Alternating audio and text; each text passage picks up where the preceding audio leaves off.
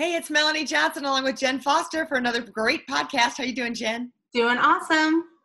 All right, so if you're looking about how to accomplish your goals, how to get more done, how to be maybe more productive, and make your business more successful. All right, these are three strategies that Jen and I have been using and discovered recently. Um, we've been reading some great books, so we're going to talk about that today. So, um, but remember, subscribe to this podcast remember and share it with your friends all right? And one more thing if you want to become a best-selling author like all of our clients we have over 50 clients and 100% of them we have made number one on amazon. So contact us elite online publishing and we would love to hear from you. All right so let's get into it. Jen tell me about the book that you've been reading lately and what you got out of it. Yeah i've been reading a couple different ones. So i'll start with the first one by think it's Jen Sincero. I think I say her last name right. It's called You Are a Badass at Making Money. And this book, I just really loved how she pretty much told you how it was, kept kept it real, and she mm-hmm. let her personally. She speaks her own book in this. I, I listened to it on audiobook, and it had different mantras and different dedications you were supposed to read, declarations that you're supposed to say and read and write down after every chapter.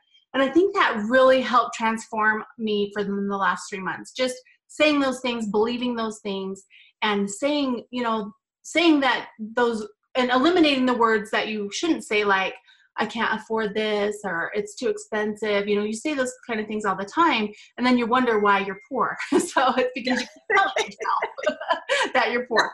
So when you say those things like I'm a badass at making money and all the other declarations that Jensen Sincero tells you in her book, it really changes the way you think and the way that you are processing things. Yeah, it's that self talk. I think we're all guilty of that. It's sometimes when things don't go your way, you start saying, I can't. Um, you know, I just had a friend slash client who is super, super successful. And then she's going into a different arena and then was saying, but why would like someone believe me or read my book? Or, and you know, you've got to just put that out there that you've got to just have that confidence and not um, i said we got to change the question. It's like why would somebody want to read my book? It's like well why wouldn't somebody want to read my book? Right, right. So changing those words and having that positive attitude. I've been reading um, 10x by grant cardone um, listening to the audiobook on that this week and uh, i really love what he was talking about taking massive action. There's those people who just sit back and let things happen to them and they don't do anything um, that aren't going to be successful. There's the people who are um, average, right? They're taking average action, so they're getting average results. He says those are the worst. The people who just take average action, they're kind of in this purgatory, like they never get ahead, and then they're like, oh, you know, life sucks because I'm not doing this, and they're just, you know, being the victim. And uh, I love what he said about being the victim. He said, you know, you don't have to ever be the victim. So things happen to you that you can't control. Um, let's say your electricity goes off, you have no power. So, in here in Houston, it can be really darn hot if you don't have air conditioning. You're thinking, okay, my family's sweating. I can't open the refrigerator because there's no power. We have no lights, nothing to do. So, he said, but you can control part of the situation. What can you control? That's the question you have to ask. He was saying, well, I could get a generator. If I have a generator, then when the lights go out, guess what? I can still work. I can still be on my computer. My family is still comfortable. So things that you can't control, you figure out what you can do to control. And he was saying the other thing that you and I talked about recently was, um, you know, you set a goal for yourself. So many people set a goal, you're going to make X amount of dollars per year, and then they realize they're not hitting their goal. So, like, well, maybe instead of saying we're going to make a million dollars this year, we'll say we'll make a half a million, right? Because we're not on our targets. Let's just lower our goal. And don't do that. So instead of lowering your goal, increase your action. Take massive action. So if whatever you're doing is not working and you're not reaching the goal that you want to do then you need to ramp it up get up an hour earlier stay to work an hour later or change your strategy. That's my key. I always tell my kids you know if this isn't working change the strategy. Um, jen you and i do that all the time in our business. It's like we know this is supposed to work so we just have to come at it at a different angle. So right. just try i always say i tell my kids it's like a Rubik's cube, right? You're not getting it together, so you need to look around, all around, and keep trying different avenues to get all the colors to line up. And if you keep doing different strategies, eventually you'll do it. Right. I love that. and to go along with the 10x i've been reading that one as well but to go along with that i've been listening to uh, think and grow rich just when i'm driving in the car or or different things by napoleon hill and and that book you know he always does little nuggets and sometimes they're not even highlighted and they and they just i mean when you're listening to it it just goes by so fast. And i even got out my book my actual think and grow rich book to make sure like where does he say this? Because it's really small print. I have one of the, the first not first editions but one of the earlier editions so it's really small print. Yeah. and and he says in there tell the world what you intend to do but first show it. And i think that's kind of what does that mean? action. Like it's the same as what you were just saying like you have to take that massive action if you're going to tell the world or that you're going to write a book that you're an author well then do it get it done and take that massive action so that you can be a best-selling author like our podcast we had last week with True Tamplin. You know, he he is a best-selling author and he has amazing results from his coaching business and his speaking business because he took massive action. He got his book done and now people are buying his book. So you have to take that massive action. You have to first show it. They want proof. You know, you can tell everyone that you that you, you know, are have properties or that you do real estate, but if unless you can really show the proof, um, then mm-hmm. they're not going to believe you, right? That's so true. And I, I, one of the tricks that we use with our authors too is get the cover done right away to their book. So mm-hmm. then they have the incentive. It's like, oh, there's the cover. They put the cover on social media for you because we, we post on social media for all our authors. They're like, oh man, I'm really doing this. I, am really going to be publishing a book because they see the cover. So take an action that puts something out there um, physical that people can see that you're actually going to do this. If you're going to be a real estate agent, start posting houses that you like, even if you haven't listed a house yet. Um, whatever your business is, start putting things out there into the universe that that says that. And the self talk, I think, is huge. I'm going to go back to that a little bit because I know sometimes we all have just a block of where we're supposed to be.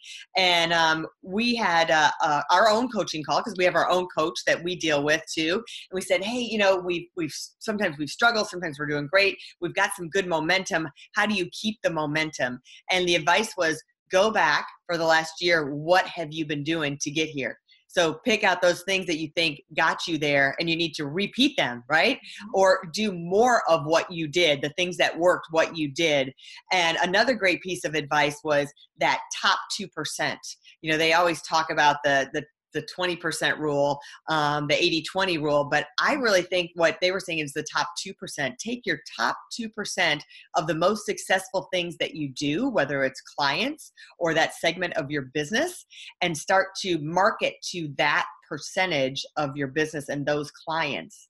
Mm-hmm. When you market there and take the massive action, so you want to take the self talk, be positive, know that you can do it and then the massive action supports that and put that massive action towards the top 2% of what is giving you the best return on your time. And you're going to see everything multiply in a huge way. So and don't get discouraged if you don't see it right away. Um, i would say it's like planting the harvest right? So first you have to I'm redoing my my vegetable garden right now for fall. So what we do is we've pulled all the dirt, we've kind of tilled it. Now we put all this fresh dirt in. So that's one stage. Then we are putting the seeds in, right? And they don't germinate right away. So you mm. got to water them, you got to fertilize them, and then you've got to wait for them to start to poke up. And then it's not right when they poke up, they're going to have fruit. So you have to keep doing that and watch your garden grow, and then the harvest is going to come in. Mm-hmm. So um, and the other trick is like rotate your your um your plant plantings right?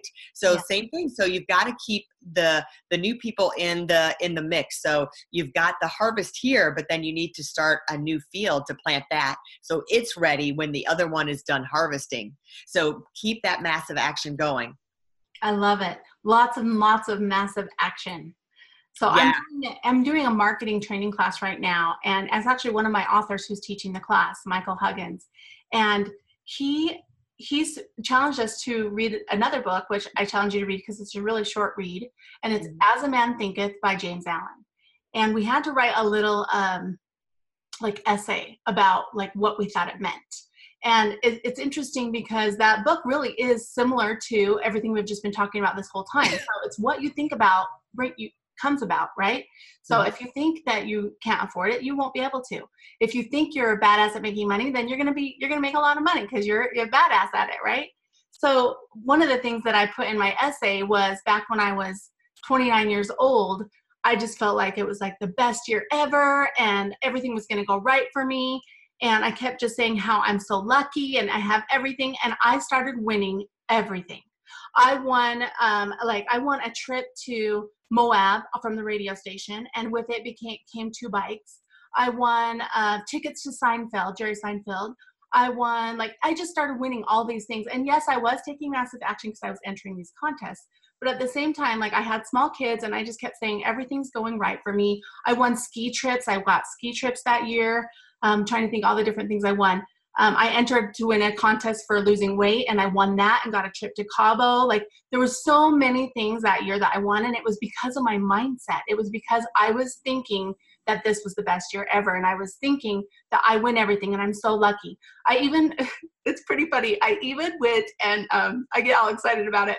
I had a chance to win a million dollars with this contest where you had to show up for you might remember this. It was called the Ricola con, con test, and it was the cough drops. You know, Ricola.